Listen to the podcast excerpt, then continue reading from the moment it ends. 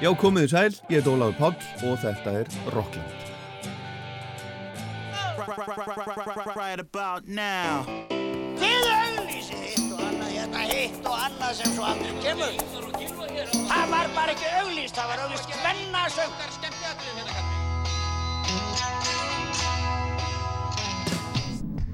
Hvað gerir kvöld? Kíkja á tónleikana? Ekki?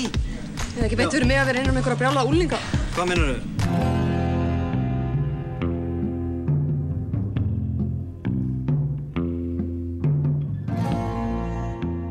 Við komum við á ymsum stöðum í Rocklandi dagsins, byrjum á nokkurum jólalögum af 15 ára gamalli stórfítni jólaplötu sem var að koma út núna í fyrsta sinn á Vínil.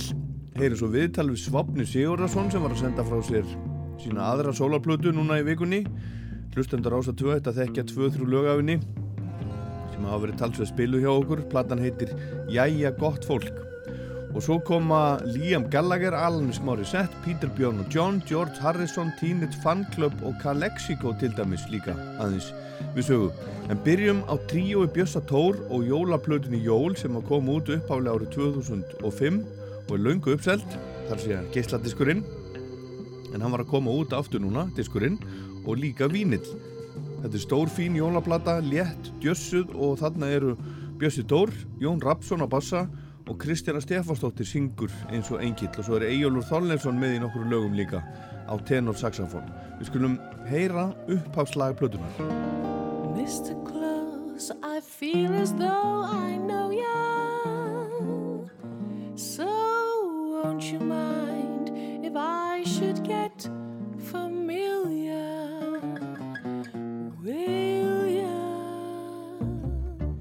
Santa baby, just slip a sable under the tree for me. Been an awful good girl, Santa baby, so hurry down the chimney tonight. Santa baby, a 54 convertible to light blue. I'll wait up for you, dear Santa baby, so hurry down the chimney tonight. Think of all the fun I've missed. Think of all the fellas that I haven't kissed. Next year I could be just as good if you check off my Christmas list. Santa baby, I want a yacht, and that's really not a lot. Been an angel all year, Santa baby, so hurry down the chimney tonight.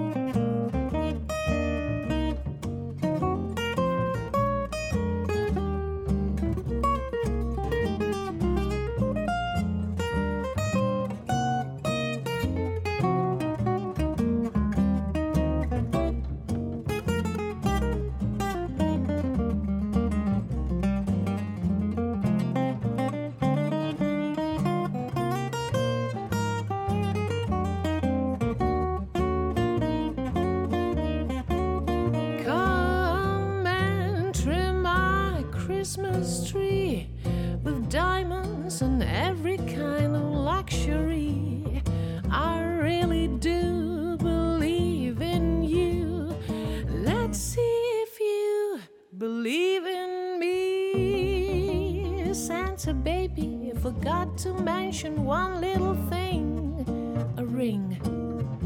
I don't mean on the phone, Santa honey. Hurry down the chimney tonight.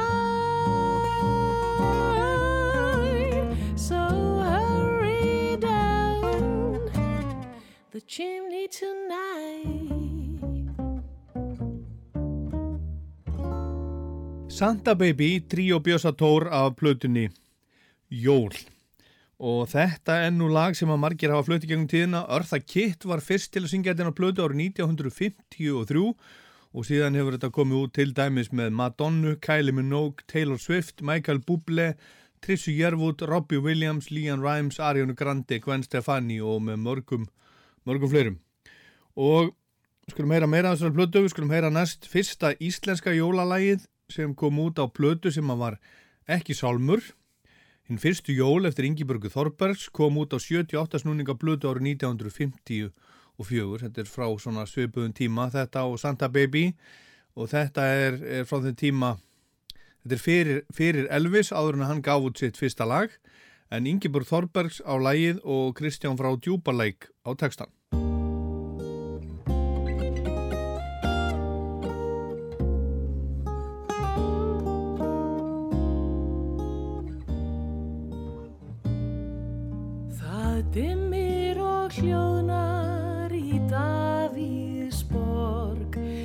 Í dvala sig strætin þakka.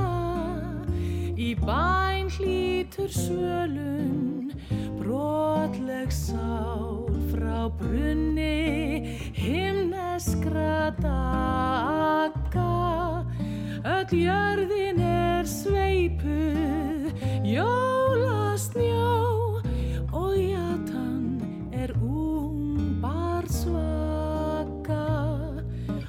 stjarnaskín gegnum skíahjúp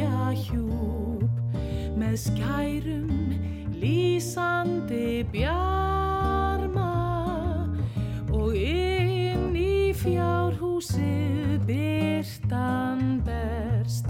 Og barnið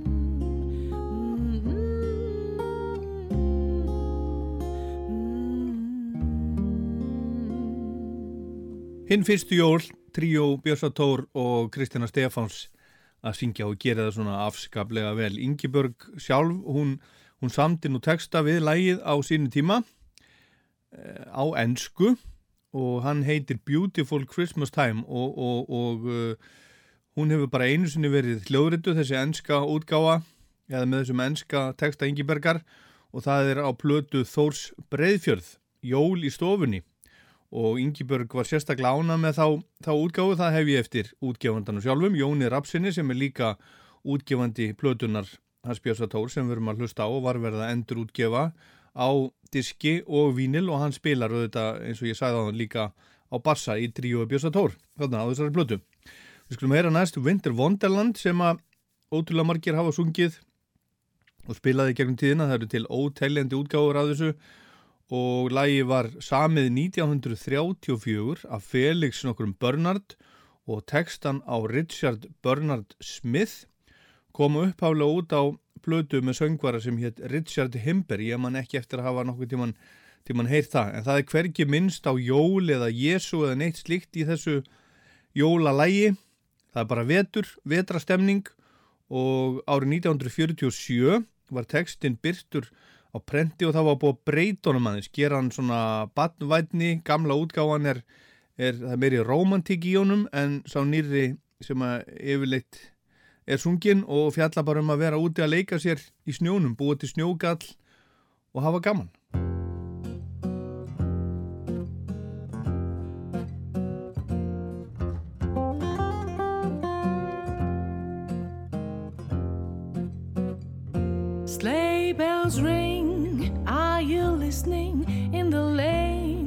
Snow is glistening. A beautiful sight, we're happy tonight. Walking in a winter wonderland. Gone away is the bluebird, here to stay is a new bird. He sings a love song as we go along, walking in a winter wonderland. In the meadow we can build a snowman, then pretend that he's Parson Brown. He'll say, I am married? We'll say, No, man. But you can do the job when you're in town. Later on, we'll conspire as we dream by the fire to face unafraid the plans that we made, walking in a winter wonderland.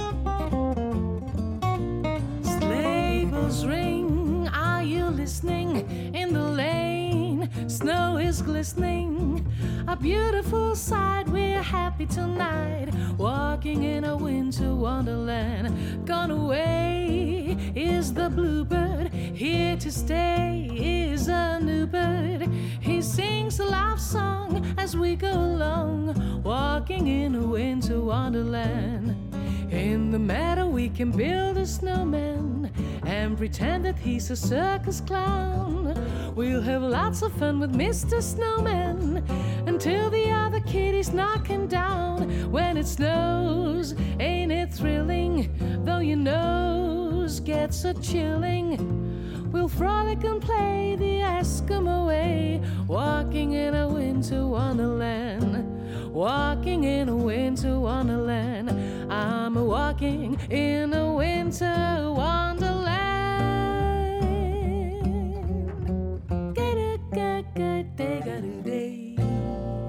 Áröldi í vetraríkinu Walking in a Winter Wonderland Tríó Björsa Tór og Kristjana Stefáns að, að syngja á plötunni.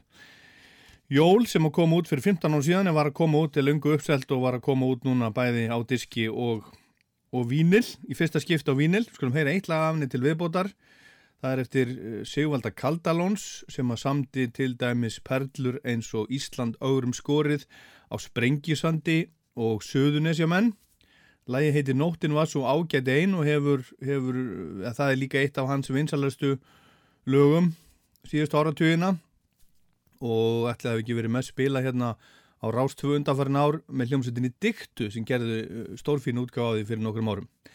En eh, ljóðið, Sálmurinn er eftir sér að Einar Sigursson í Eidölum sem var uppi frá 1539 til 1626 var mikið sálmaskáld.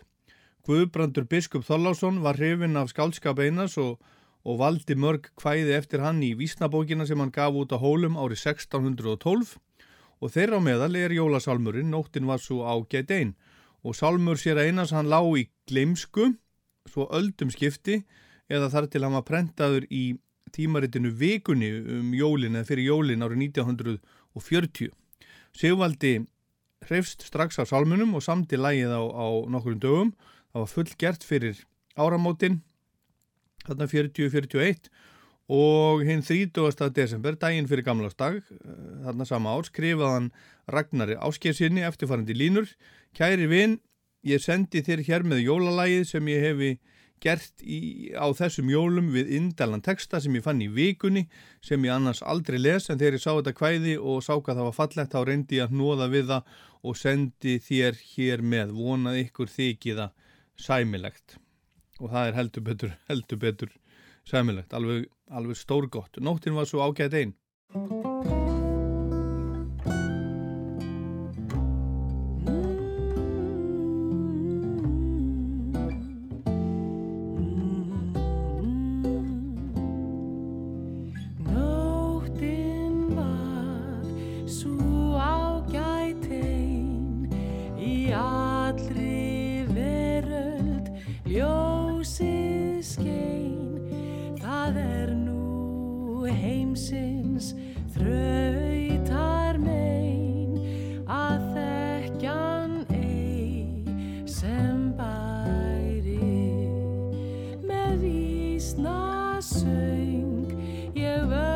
good not.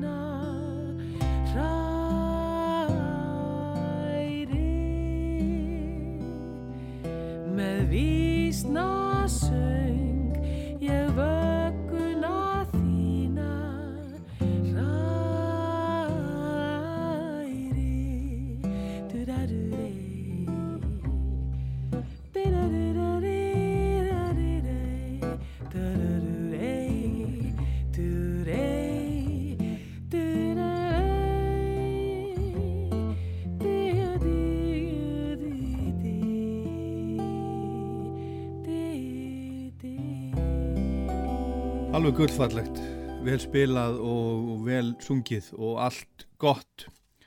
Og skemmtilegt við þessa, þessa plötu, Tríó Björsa Tór, Jól, kom út fyrir 15 árum en var að koma út aftur núna bæði á diski og á vínil og hún er til, veit ég, í hljómsín í Ármúla, Lucky Records á Rauðarústík, Smekkleysu á Skólafurustík, Reykjavík Records Shop á Klappastík og Tól Tónum á Skólafurustík og uh, jafnvel á einhverjum fleiri stöðum sem að sem að selja vínirplötur. Þetta er, þetta er, þetta er, þetta er eigulegur, eigulegur gripur, ég er búin að hlusta á hana núna, núna bara í, í, í desember ári, ég er búin að hlusta á hana tviðsvar sinnum eða, eða jafnvel þriðsvar en e, smá ekki jóla núna, Peter, Björn og John voru að senda frá sér lag, þeir sendu frá sér lag reyndar, reyndar um daginn sem heitir Season of Defiance kom út 13. november og svo var að koma út nýtt lag núna sem að heitir Gone Gone Gone og ég ætla að spila það fyrir ykkur og þetta er að finna á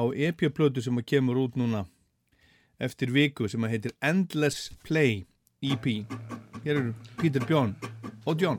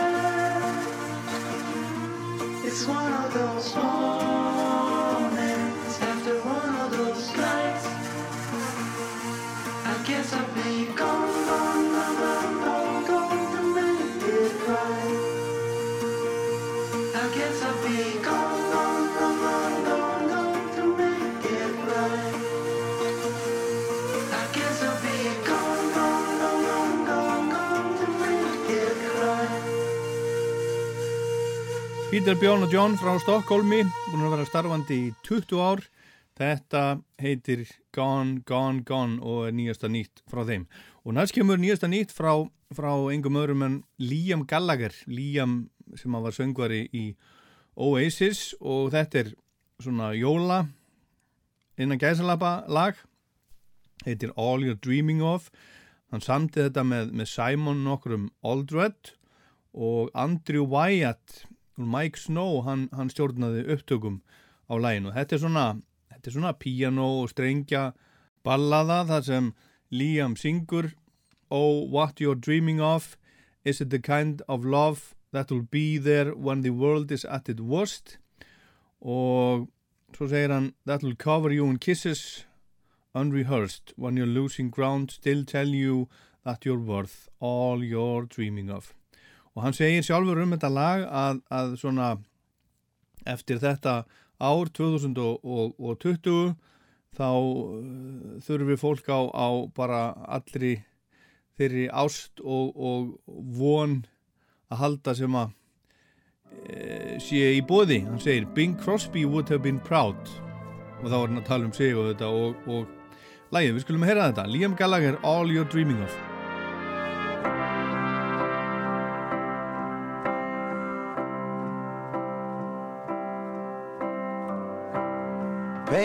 night sky while the morning waits with a field of stars to keep the dark at bay. Take your spotlight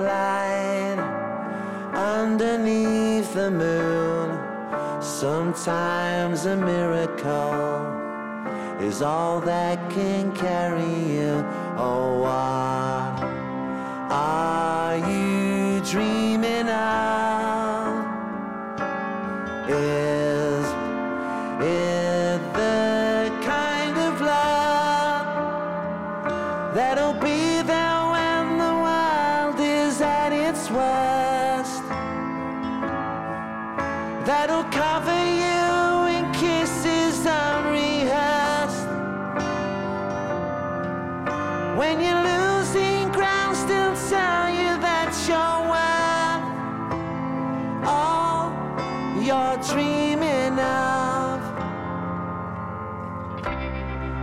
The pain, birds.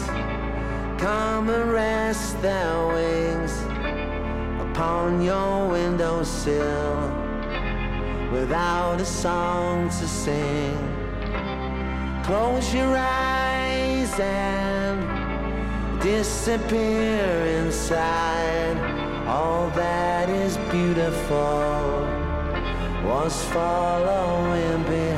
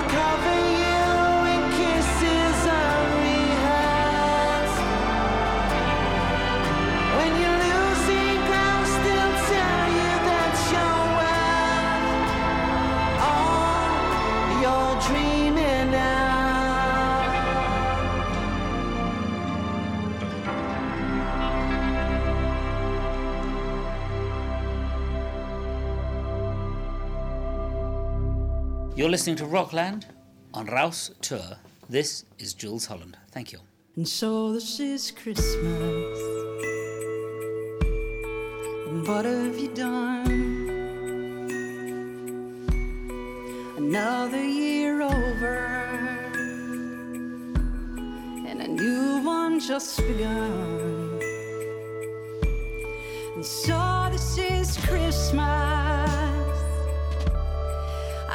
I hope you had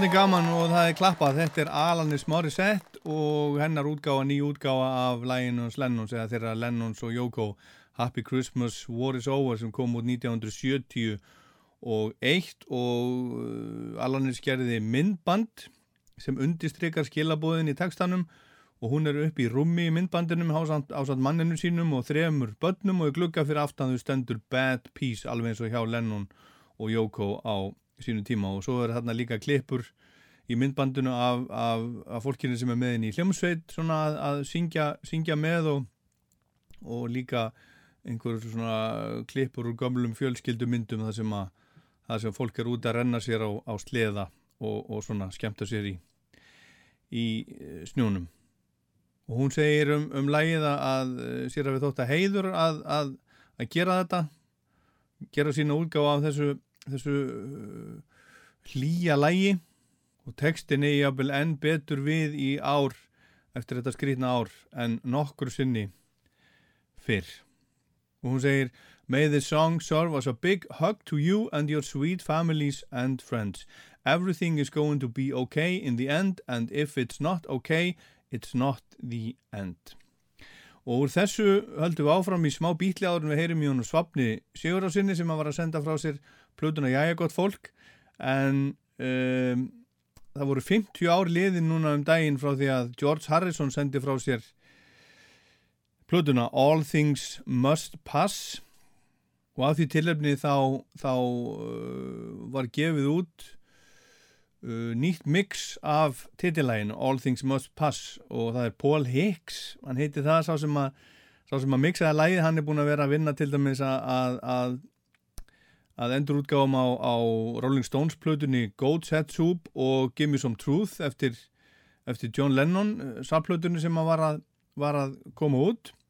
Og það er meira á leiðinni platan á að koma út remixuð á næsta ári All, All Things Must Pass.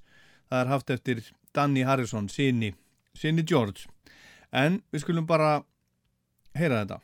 All Things Must Pass, nýtt mix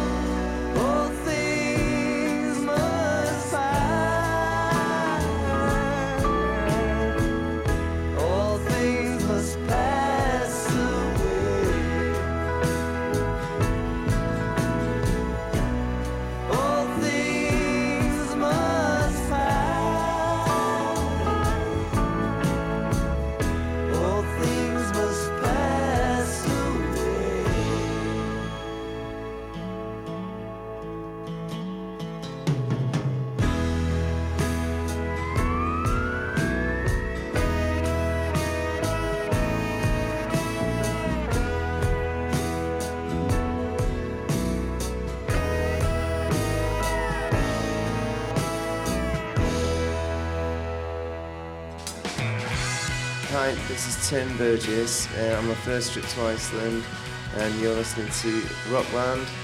And uh, just about to walk on stage, so I'm gonna go out. Take care.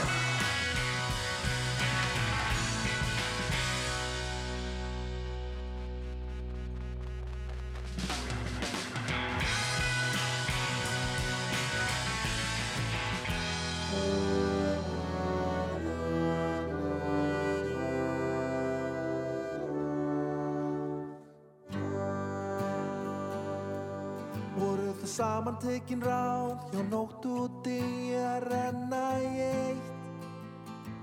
Og var það tilviljunum háð Hvort það skipti nokkru máli yfir leitt Hugsanum mína svo heimsbyggilegar og hattur í stíl.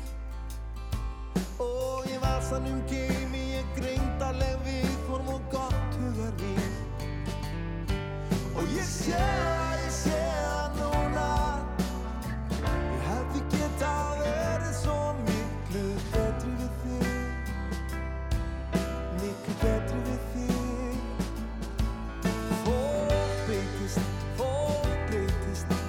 Að ætla annað vera ekki neins. Fólk breytist, fólk breytist Fjöllin eru alltaf eins.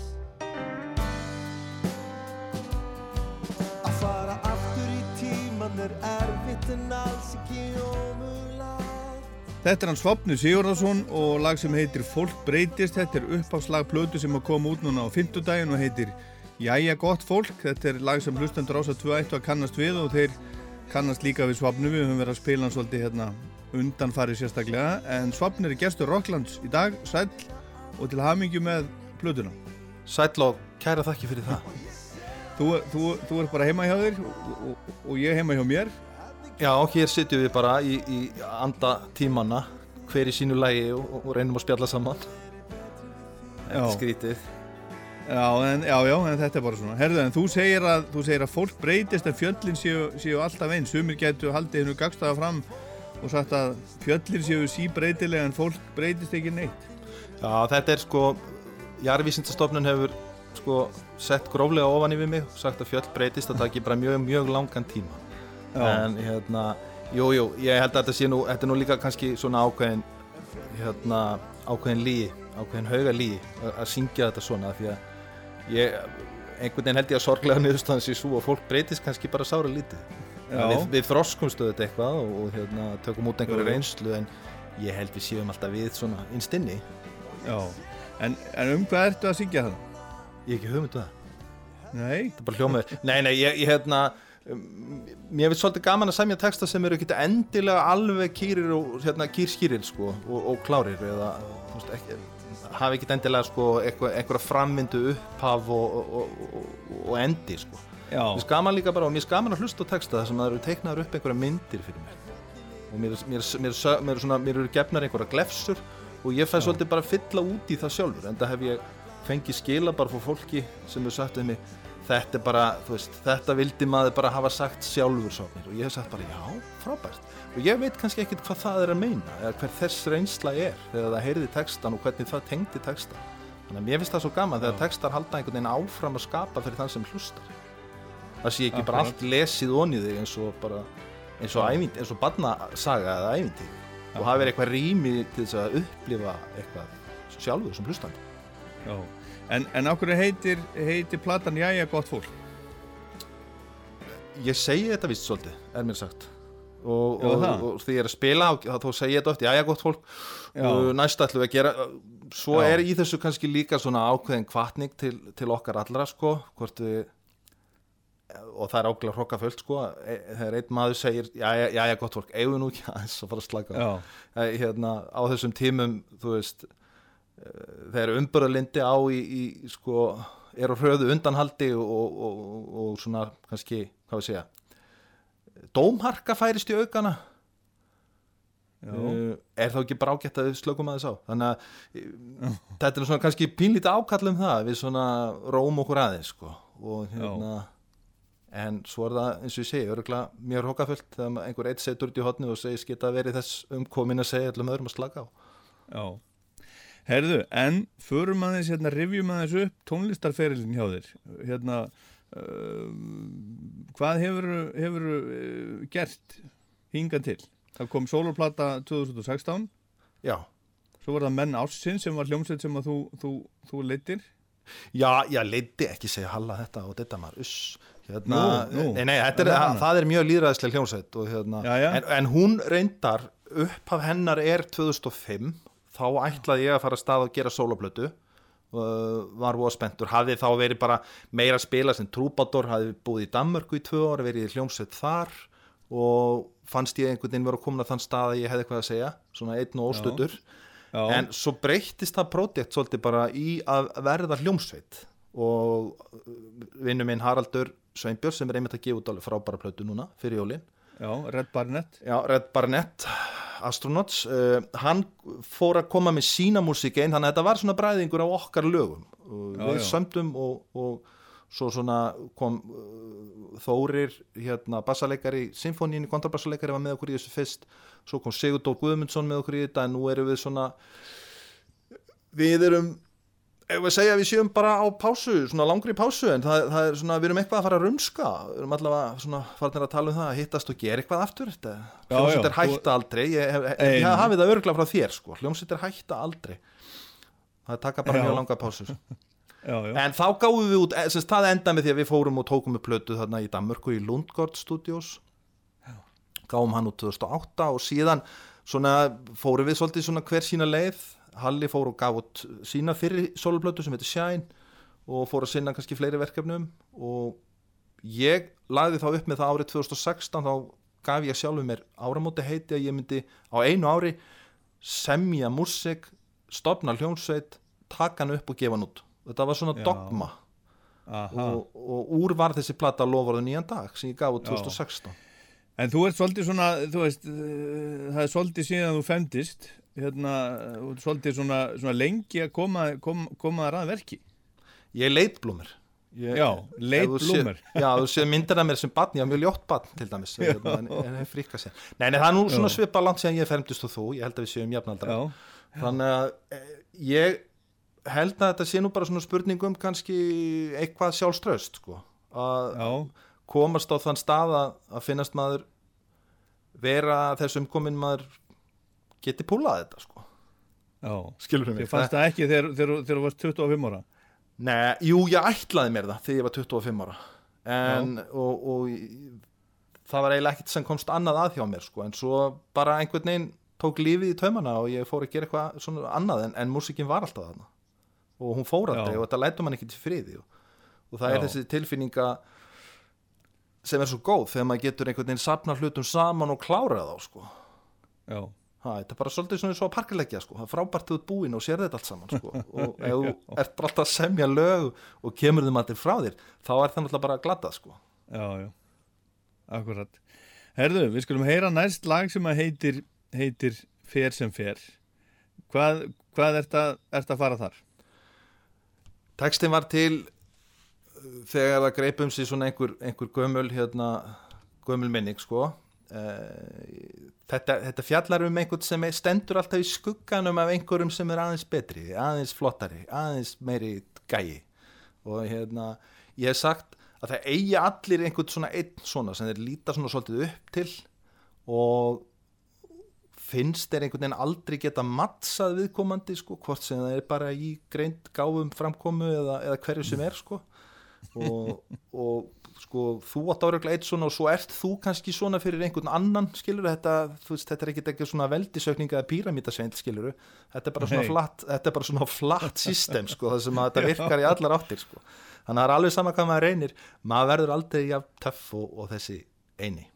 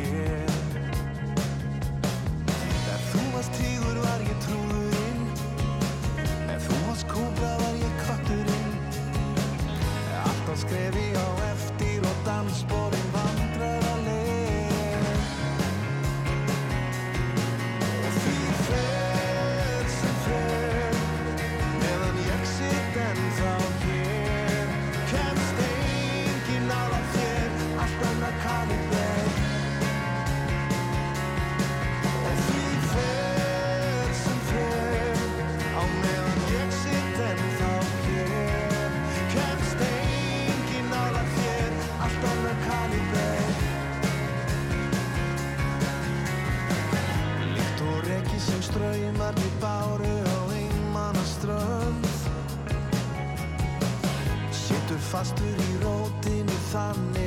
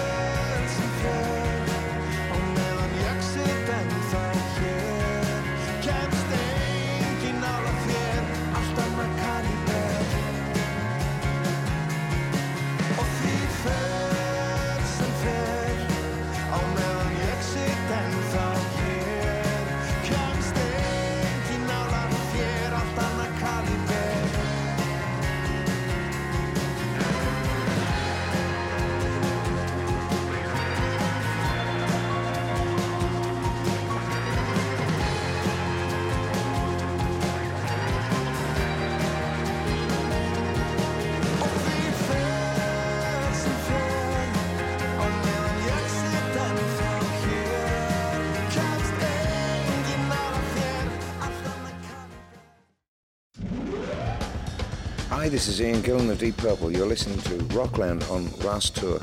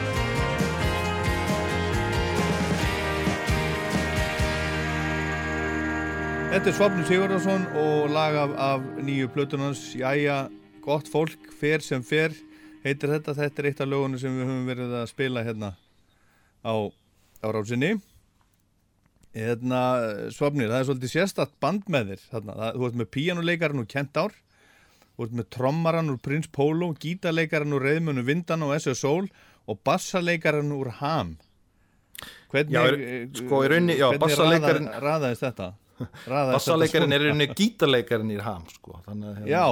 já, Já, einmitt, já, já, já, einmitt. Þannig að til þess að gera þetta ennþá flóknar Fló, Flósi Þorgesson Já, við hérna podcast, podcast kongur með meiru líka Podcast kongur Við, við Flósi erum sem sagt bræðra sinnir Já, þið eru, þið eru frændur Við erum náskildir við Flósi og vorum miklu vinnir sérstaklega sem, sem svona stráklingar og, og hérna, á þess að segja, segja að, að fer sem fer sé um Flossa þá fatta ég þannig að Flossi gæti verið þessi típa fyrir mig, sko, hann er ára eldri en ég Já. leit alltaf mikið upp til hans og hann var snemma byrjaður að halda langa fyrirlistra um, um setni heimstyrjöldina og við fórum gerðan í langa göngutúr út í Nautorsvík og þar fann hann alltaf einhverjar mannvistarleifar hérna, um, um he, herinn og einhverja böngara.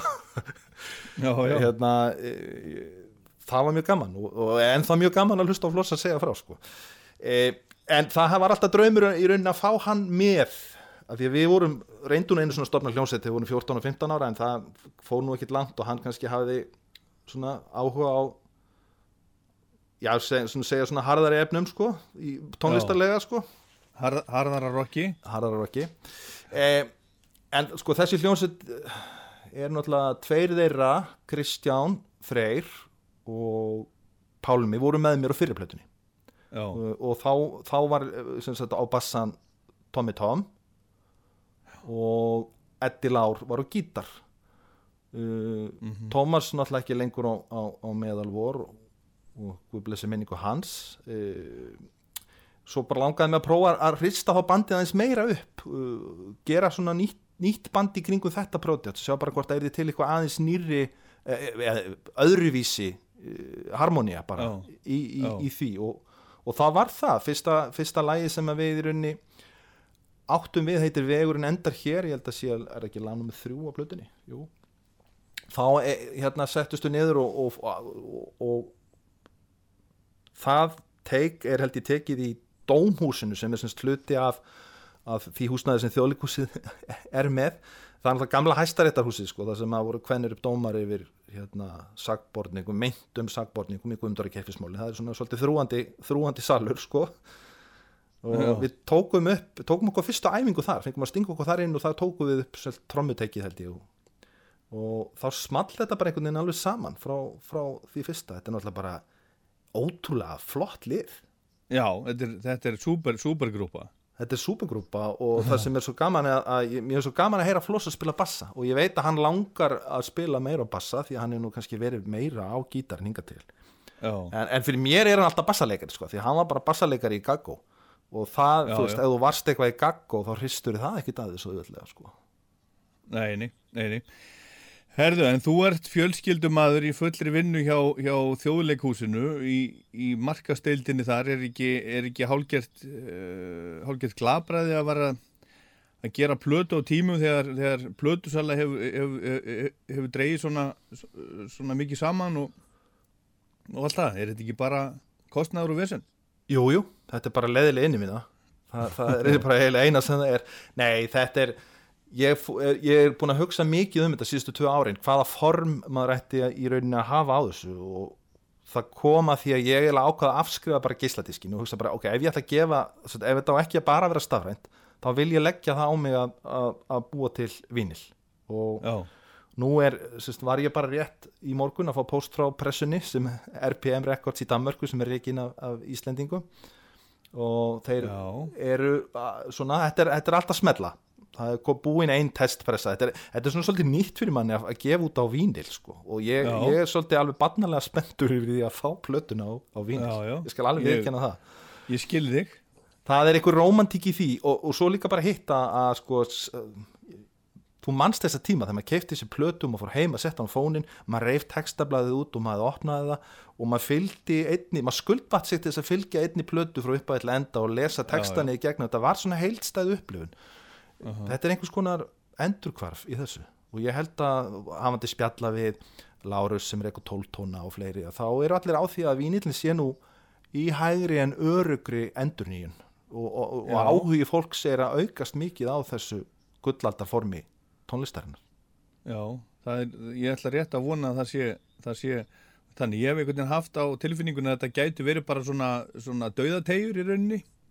Já. en, en þetta verðist vera að aukast og ég menna menn eru að, að, að sapna plötum og, og kaupa sömar plötur fyrir alveg fullt af penningum, þetta er eiginlega, að koma í, í staðin fyrir bara frímerkja söfnun nákvæmlega. Og svo er líka eitt í þessu eða tvent í rauninni. Það er uh, allt útlitið þar að segja veist, þú, það var allt smættað svo mikið á geisladískin, þá varstu með 12 sinni 12 cm nú ertu með 30 sinni 30 cm til þess að búa til eh, eitthvað, einhverja myndræna Já, já. framsetningu og, og svo er hitt að þegar maður skipti, fór að skipta út vínilum fyrir séti, þá held maður að sétiðin tæki minna plás Já. en hann gerir það ekki. Nei. Og ég held að þú getur stutt mig í þessari kenningu minni þú, Já, ég, já, já, hann tekur ekkert minna plás, hann er þykkari. Já, hann er þykkari og, og þú getur ekki Það ræða sko, fyrir það er framan og aftan. Ég hugsa að þetta sé svona, svona kannski, taki svona svipa mikið pláss í runni, sko. Já, allir það ekki Ég held að við höfum eitthvað reiknað út. Ég og, og Guðni Már Henningsson hérna, vinnur okkar begja að, að það væri bara tó- tómt vesinn að vera með CT tækja ekkert minna pláss Reyndar það er að hafa sko grinnri hi- hillur, þú þarft að hafa dýpri hillur Reyndar, sko. ég gef þér það. Gef þér Já, herðu, en hérna sko, þú ert svona markasmáður þú varst að vinna í markasmálunum í borgarleikusinu og svo ert í þjóðleikusinu núna. Eh, hvernig er að, er að marka setja sjálfan sig? það er glatað Já, það glatað fyrir mig. Það, sumum fellur það kannski betur en, en mér finnst alveg rosalega erfitt að ringja í fólk eða senda fólk í post og segja heyrðu, nú er þessi frábæri listamaður hérna farin að stað aftur. Ég, það er bara eitthvað sem er rámt við það að, að mæra sjálfan sig. Og ég kannski er uppbeldið eða manngerðin eða eitthvað en mér finnst það alveg rosalega erfitt sko. Já, þannig að þú ert þá þú ert þá ekki bara með einhvern í því? Jó, góð spurning maður Heyrðu, ég þarf bara að fara í síman Ég er með nú með nokkra í huga sem ég get ringt í. Ég held að alltaf þessi ekki bara málið að láta þetta í hendunar á einhverjum öðrum? Já, Nei, þú veist hvernig þetta er. Þetta er, þetta er rosa förðulegt að, að ve- að vera svona one man show. Að vera einhvern veginn að semja músíkina að, hérna, að stýra útlitinu að fá mannskap með sér í þetta og að vera í Já. sambandi við framleiðendur og einhvern veginn og reyna að kynna þetta allt á sama tíma. Já, hér er ég, ég er frábær. Hér er ég, ég er æðislegur Já. Viltu tala við mig? Viltu taka viðtal við mig? já, já. Herðu, næsta lag sem við ætlum að heyra heitir Þetta flei er ekki að fara neitt og það er Hildur Vala með þér Já. Hvað getur þú sagt okkur um þetta lag? Þetta er síðasta lagi sem var til Það er eiginlega rétt slapp inn á þessu plötu Ég hérna Það er einhvern veginn uh, spratt uh, fullskapað bara fram svona þremu vikum áður en við lokuðum bara öllu vorum eiginlega bara að reyna að klára mix allt saman og þá lættist þetta þessi frasi bara einhvern veginn lættist í hausinn á mig fyrst. Þetta flegir ekki að fara neitt, mér finnst þetta eitthvað svo flott lína. Og ég hugsaði með mér þegar ég var búin að spila þetta inn og þá rættu þetta eins ég og hann Aron sem, að, sem hefur tekið allt upp og hefur reynst mér alveg gríðarlega hérna, mikilvægur hlekkur í að framleiða þessa plötu.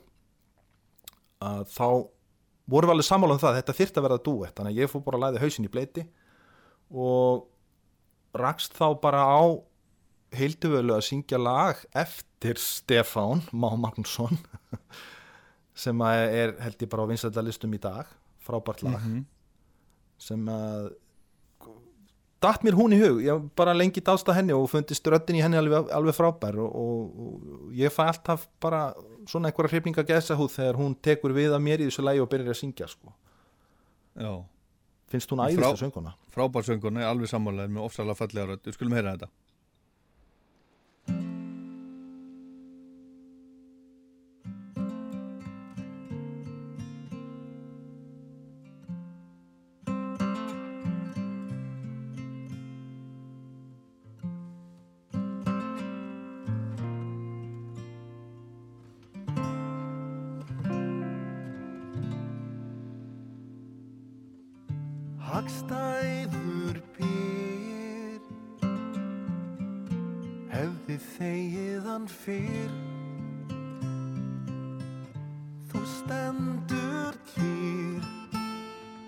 hafnar bakkanum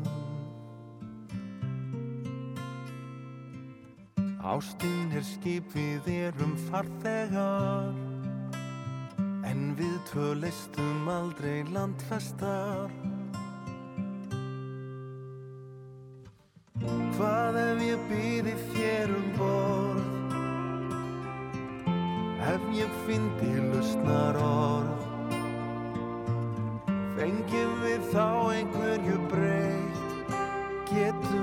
fyrir gefið Fundið sættir Mér þykir það leitt. En þetta flegir ekki að fara neitt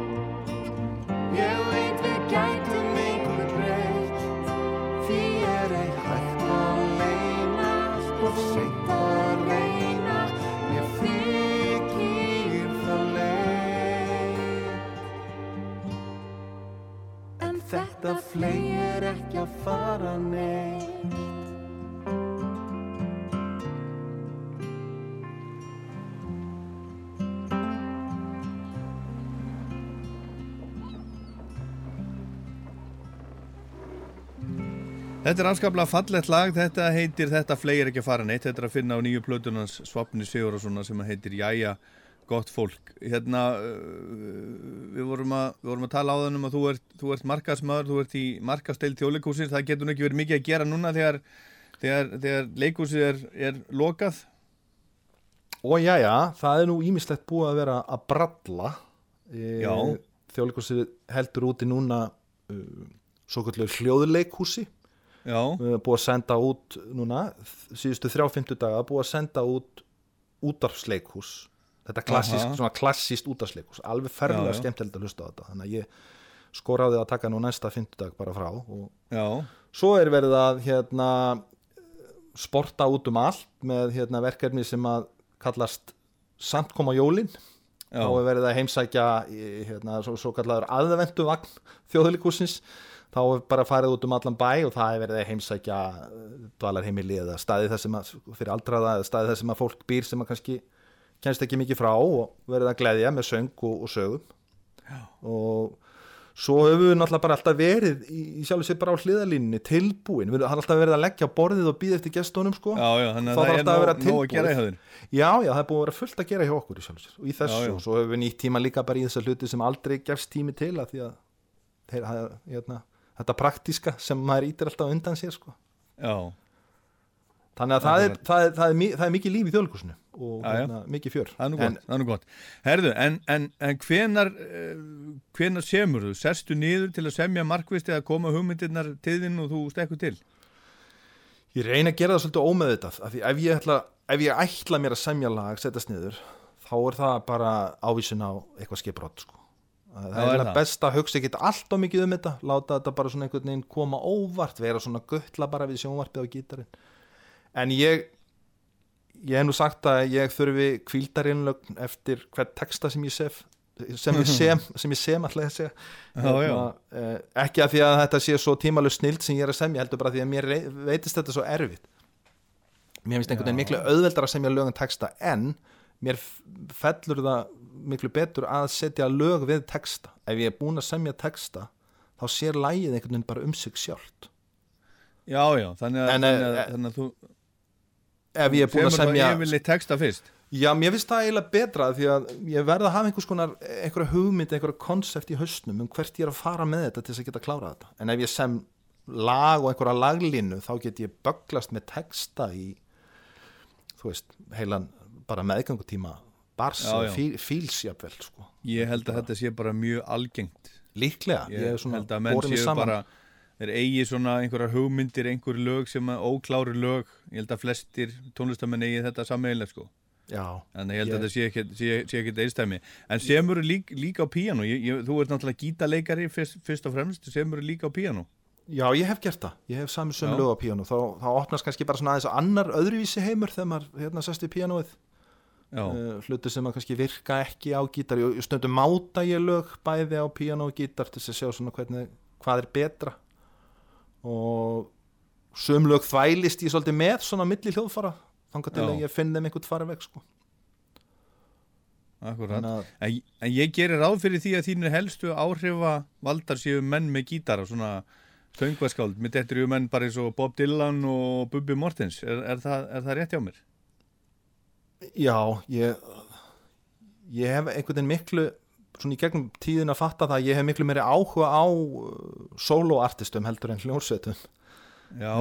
veginn miklu það er eitthvað við það bara hvernig soloartistar uh, setja upp sína músík sem gerir hann einhvern veginn ég tengi betur við það, það er svona heildstæðara einhvern veginn, það er svona Mhm. hreinni tenging. Og jú, ég hérna hlusta mikið á söngvaskáld og konan mín listiði nú einhvern veginn þannig að, að, að því að bróði mín hlustar svolítið mikið á svona írska músík sko og snundum svona kvenflytindur og hún sagði sko, já, hörður hlustar á konur sem syngja fallega en svapnir hann hlustar á kalla sem syngja illa.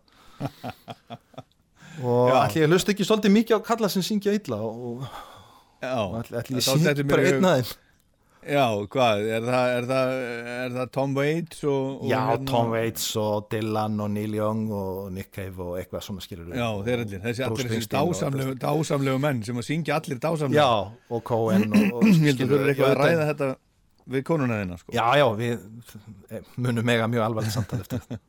Herðu, næsta lag er fínt, svolítið, svolítið tregafullt að vera bara til, hvað er að, er að gerast þar? Já, ég samti þetta lag uh, með þessa hugmynd að því mér finnst svo gott að leggja stað með einhverju hugmynd um texta.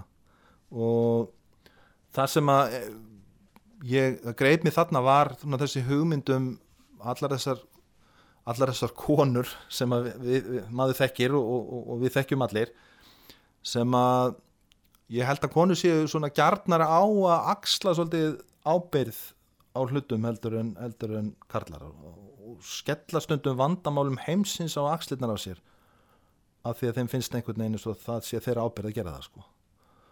Og það náttúrulega endar ekki vel sko.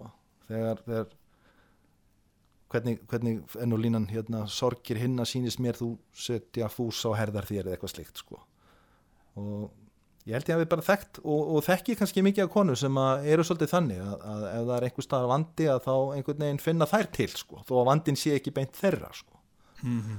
á meðan við kannski plebbarnir erum kannski bara meira veltaði fyrir hvernig, hvernig er kick-off í enskaboltanum sko. Já. En nú teikna ég þetta upp mjög svarkvít en, en, Já, þú, já, en já, er svona, þetta er hugmyndin skilur, úr, úr þessum jarfiði sprettur þetta lag. Akkurat, og, og Stefán Már spilar þarna á kontrabassa Já, ég ringdi í Steppa og fekk hann til að Gerir það vel? Ég held að hann, eh, bara, ef, það er eitthvað sem hefur strengi þá gerir hann það vel. Hann er alltaf alveg frábær og, og allir þessi strákar sem spila með mér hann er alveg frábær, Kristján alltaf kemur hann eins og segir úr Prins Pólo, Reykjavík með geirfuglunum um tíma. E, Flossi frábær bassaleikari og ég kannski glemt að í mig- þau vilja stuðum á fer sem fer að ég stundum gleymi mig bara að hlusta á bassaleikin í því lagi að þeim ennst svo skemmtilegur Pálmi náttúrulega var bara orðin undrabatn fjórara sem hann var bara kert með á milli húsa hann var látið spila á píanó sko. Og er svo sjálfur að gefa út náttúrulega tvöfaldan vínil á, bara í byrjun næsta árs. Og, og Steppi er náttúrulega bara uník sko. Þannig að e, og ég ætla að segja lindamál, þú mátt einhver segja að Mhm. e- ef maður ringir í fólk og segir, heyrðu, ertu til í að hérna, ég er að gera plötu, ertu til í að hjálpa mér? Já. þá segir fólk bara án undantekninga já, ég er til Já. Þetta bara fannst mér rosalega merkild þegar ég fattaði Ek, þetta. ekki drætt um laun og ekki neitt? Já, nei, yfirleitt ekki sko. Og hérna, en þú veist, og auðvitað maður bara stundum að grenja í fólki að gera hluti, skilur við, en Mhm. ég hef áslega lítið þurft að grenja, flestir hafa bara verið áslega til í að vera með þess og ég held að það sé bara eitthvað sem að bera að þakka fyrir, ég manna það eru 20 pluss manns sem koma að þessari plötu hljóðfærleikar og allir voru bara til í þetta strax frá fyrsta síndali sko. Mhm. Maður gleymir stundum að þakka fyrir það. Já, segjum takk og hlustum á að vera bara til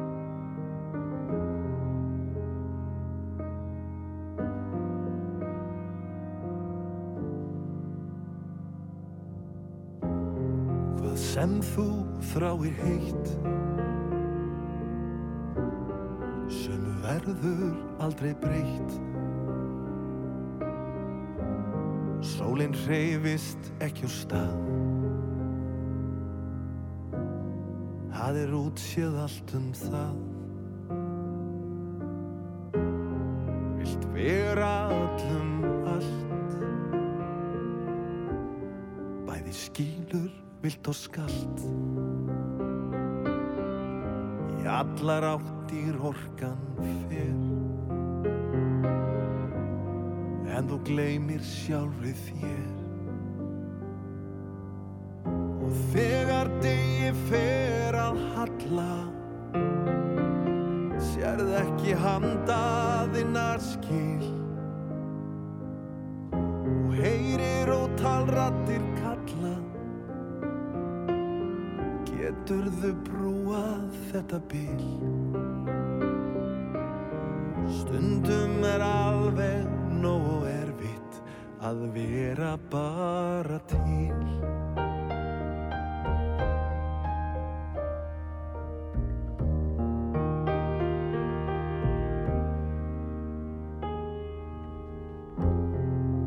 Fannst þér vera skilt Gleimir hínu sem þú vilt. Sorgir hinna sýnist mér leggja fús á herðar þér. Allt það sem þú átt. Hversu lítið, hversu smátt. Mun aldrei verða nóg. Til að græða heimsins skó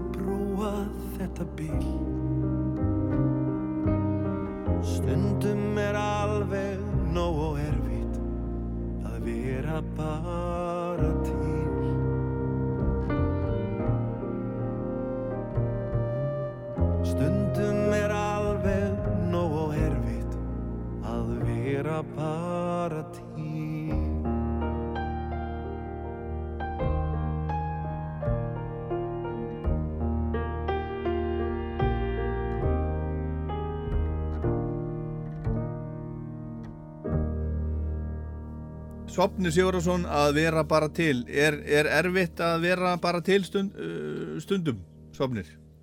Já, varst ekki að hlusta? Stundum, stundum er alveg nóg erfitt að vera bara til sko. Það, það stundum eh, hérna, stundum getur maður tekið alveg tekið stáði allan heiminn í einu sko. en summa daga þá er bara alveg nóg erfitt að vera bara til Já. það bara það, það þarf ekki meira Nei, ég hugsa að það sé bara ég hugsa að það, það, það þekki það, það allir Já, örglega og fólk segist ekki þekkja það þá var það bara skrökva sko. Já, Magnús Þór segir sumir dagar þeir eru bara svona Nákvæmlega Herðu, það, sko? en á umslægi plötunar liggur í, í gerir áfyrir þetta séu bara uh, sparifötiðinn liggur út í vatni og, og hérna liggur á hliðinu og spilar á gítar gerir þetta oft?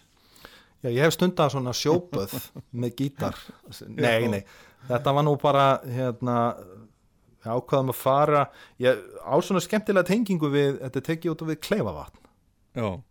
og þanga leituð við því ég var í unglingarhljósundum hérna í Galanda þá fórum við stundu þangað og reyndum að taka upp músikavídeó þannig að þegar þessi hugmynd fættist um að vera einhver staðar út í vatni kviknaði hjá hann Jorra sem vann með mér þessa mynd þegar hann hlustaði á Sem sagt myndin á umslaginu? Já, myndin á umslaginu hann vann, Já. vann með mér sérst útlitt plötunar og þá kviknaði hjá honum einhver týra þegar hann heyrði þegar hann hlustaði á lægi hérna Lít og aftur Já. og það var var einhver lína í textanum hérna uh, óð, já skeitti engum ströyma ég óð allar ár þá langaði hann Mhm. svolítið að henda mér út í einhverja jökulá bara með gítarinn sko Já.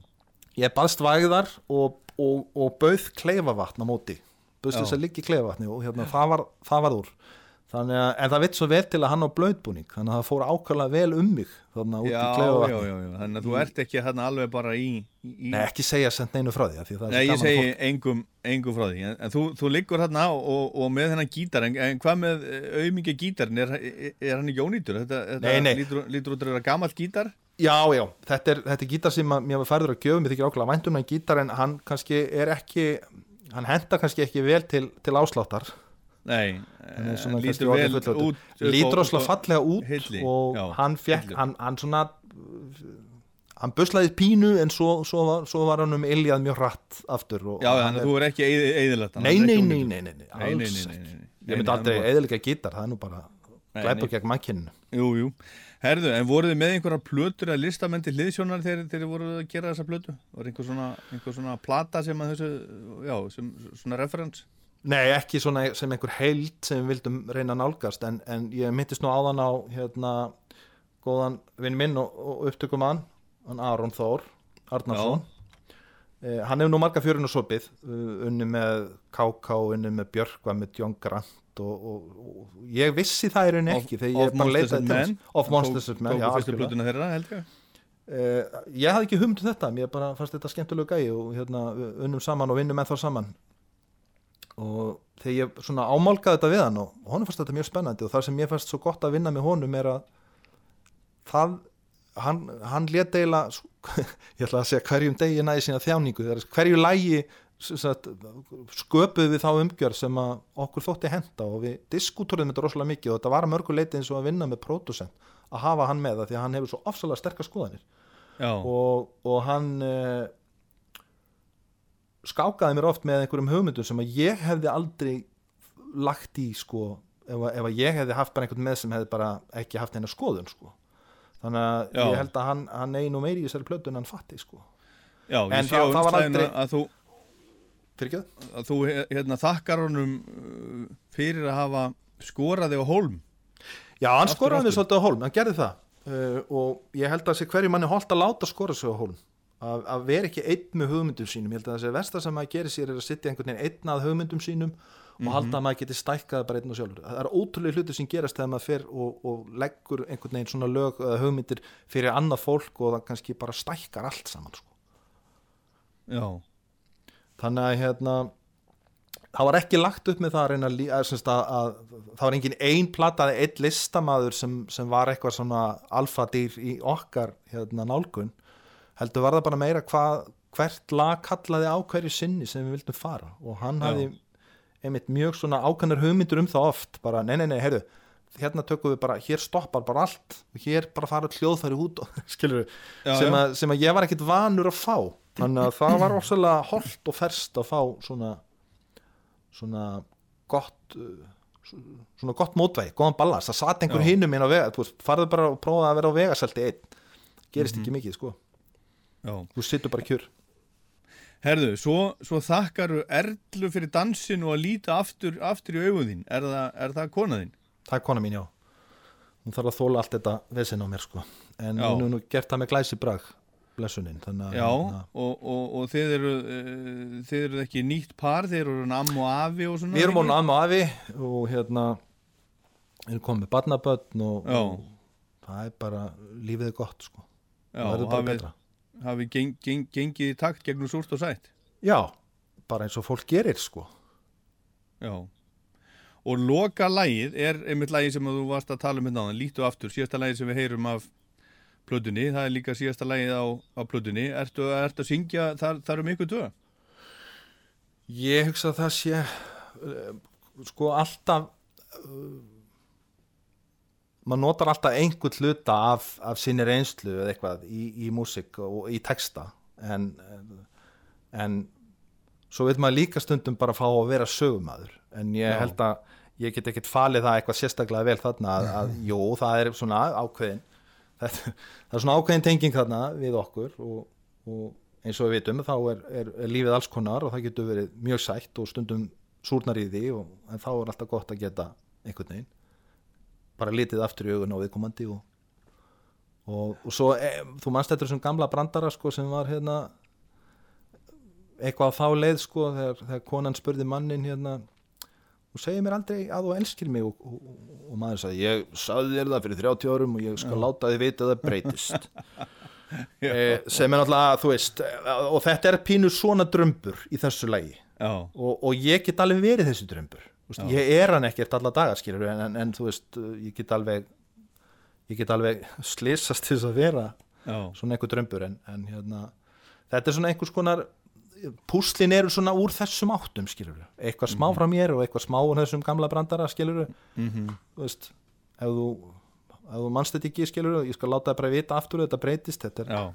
en ég er náttúrulega bara að reyna að vera einlegur eins og alltaf. þeir, þeir teksta vel, þetta er, þetta er hérna uh, þetta er fín plattahjöður þakka, þakka þið fyrir hana og til, til ham, hamingju með hana og takk fyrir spjalli við skulum heyra þetta lag núna hérna í lokin. Kæra þakki fyrir mig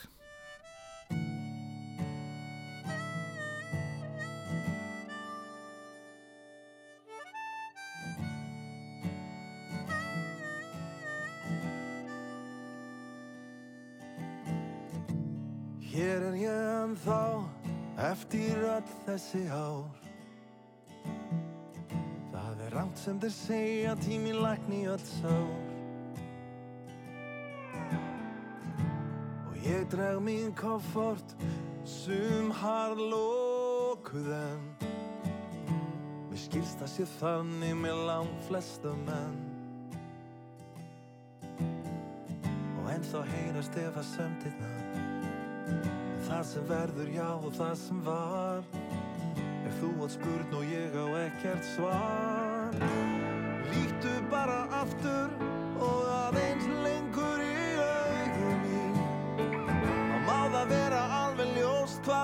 hugi ber til þín. Líktu aftur, líktu aftur í augum mín. Líktu aftur, líktu aftur í augum mín.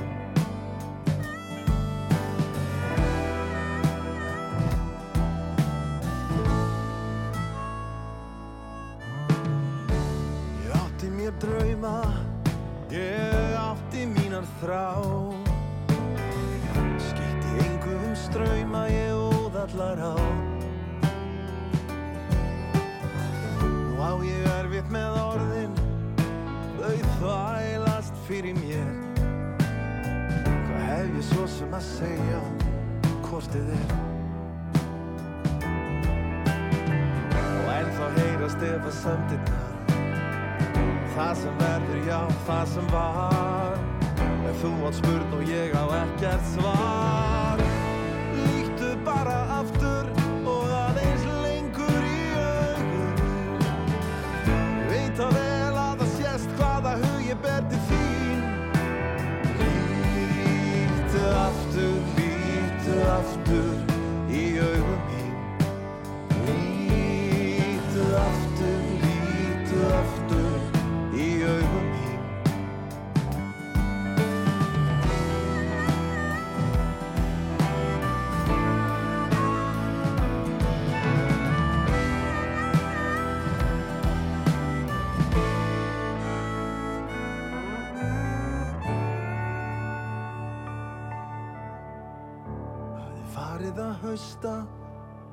Kuldinn herðir sitt grip.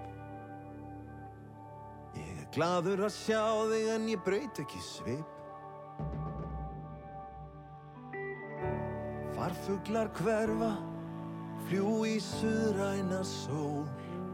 Ég veit við verðum saman því að þú ert mitt skjól.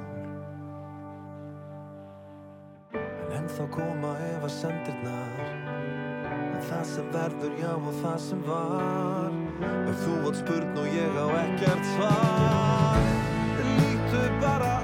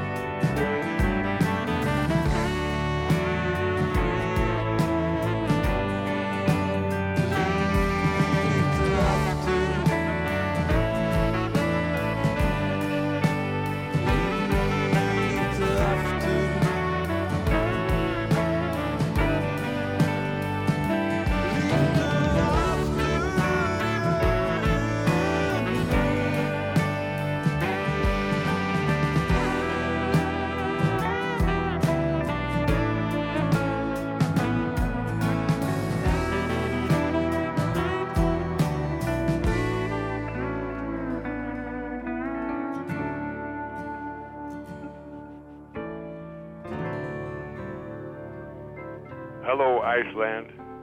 This is Chris Christopherson, and you're listening to Rockland. Jesus, my soul's in your hand.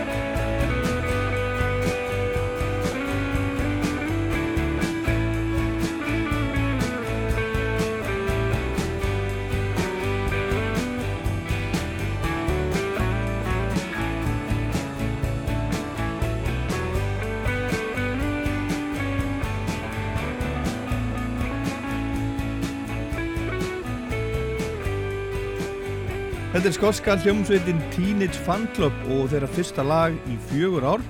Þetta heitir Home og verður að finna á stóru plötu sem sveitin ætlar að senda frá sér í mass á næsta ári og á að heita Endless Arcade. Og frá Glasgow förum við yfir hafið til Tucson í Arizona og heyrum lag að splungu nýri jólaplötu eða svona vetrar hátíðarplötu sem að koma út á föstudaginn með hljómsveitinni Calexico. Hún heitir Seasonal Shift og ég ætla að fjalla líklega aðeins betur um hana í næsta þætti en við skulum heyra eitt lag af henni það heitir Hear the Bells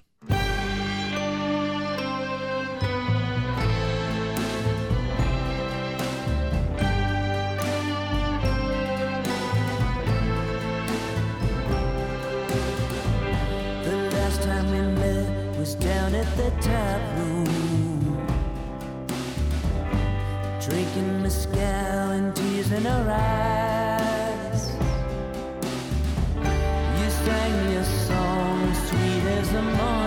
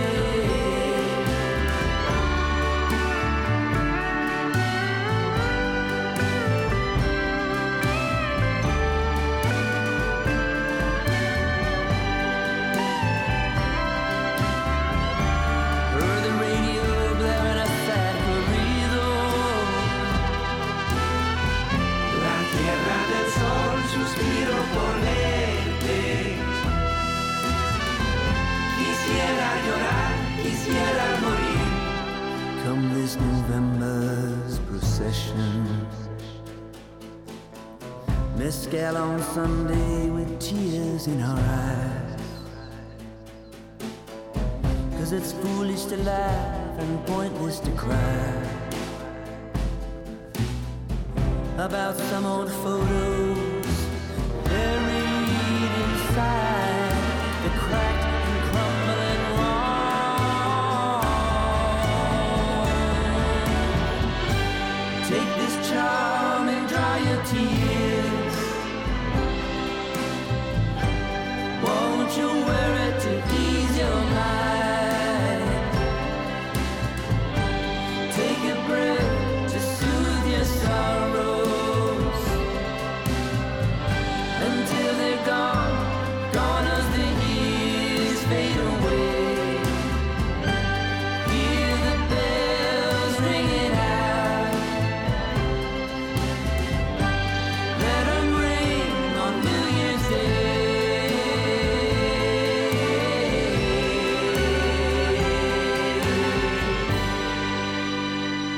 Calexico, Hear the Bells af nýju plötunni Seasonal Shift sem ég ætla að fjalla um í, í næsta þætti. Reikna ég með og þá heyrum við líka viðtal við hana Salome Katrín frá Ísafyrði sem hann var að senda frá sér plötuna Water.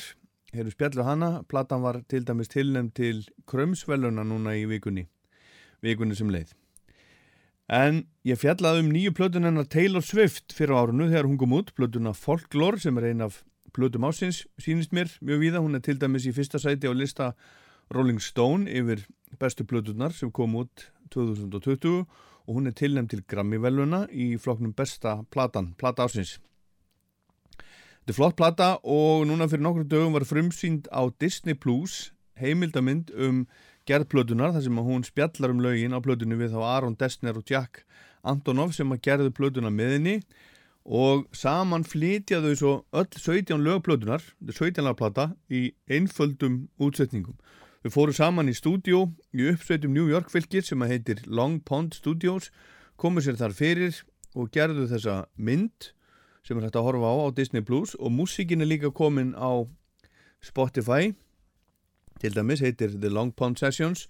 Og ég ætla að enda Rockland dagsins á einu af, af þessum lögum þaðan, læginu Exile sem talsveit hefur verið spilað hérna á rásinni til dæmis en í því lægi er Bon Iver gestur og syngur með Taylor Swift. Virkilega gott lag, hann tók upp sinn hluta sinn söng í öðru hljóðveri. Hann var ekki með þeim hinnum hérna í, í Long Pond stúdíónu og ég minni á Rockland á netinu á Rú.is og í Rú spilaranum og podcast á Spotify og iTunes eða bara hvað sem er náið ykkur í podcast.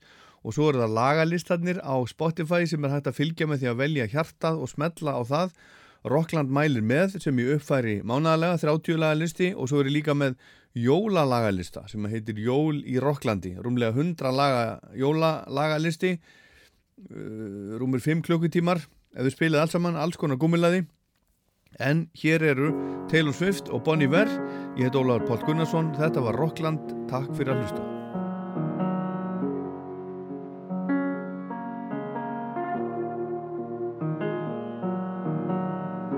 can see you standing, honey, with his arms around your body, laughing, but the joke's not funny at all. And it took you five whole minutes to pack us up and leave me with it, holding all this love out here in the hall. I think I've seen this film before, the ending. You're not my homeland anymore. So what am I defending now? You are my town. Now I'm in exile, seeing you out. I think I've seen this film before.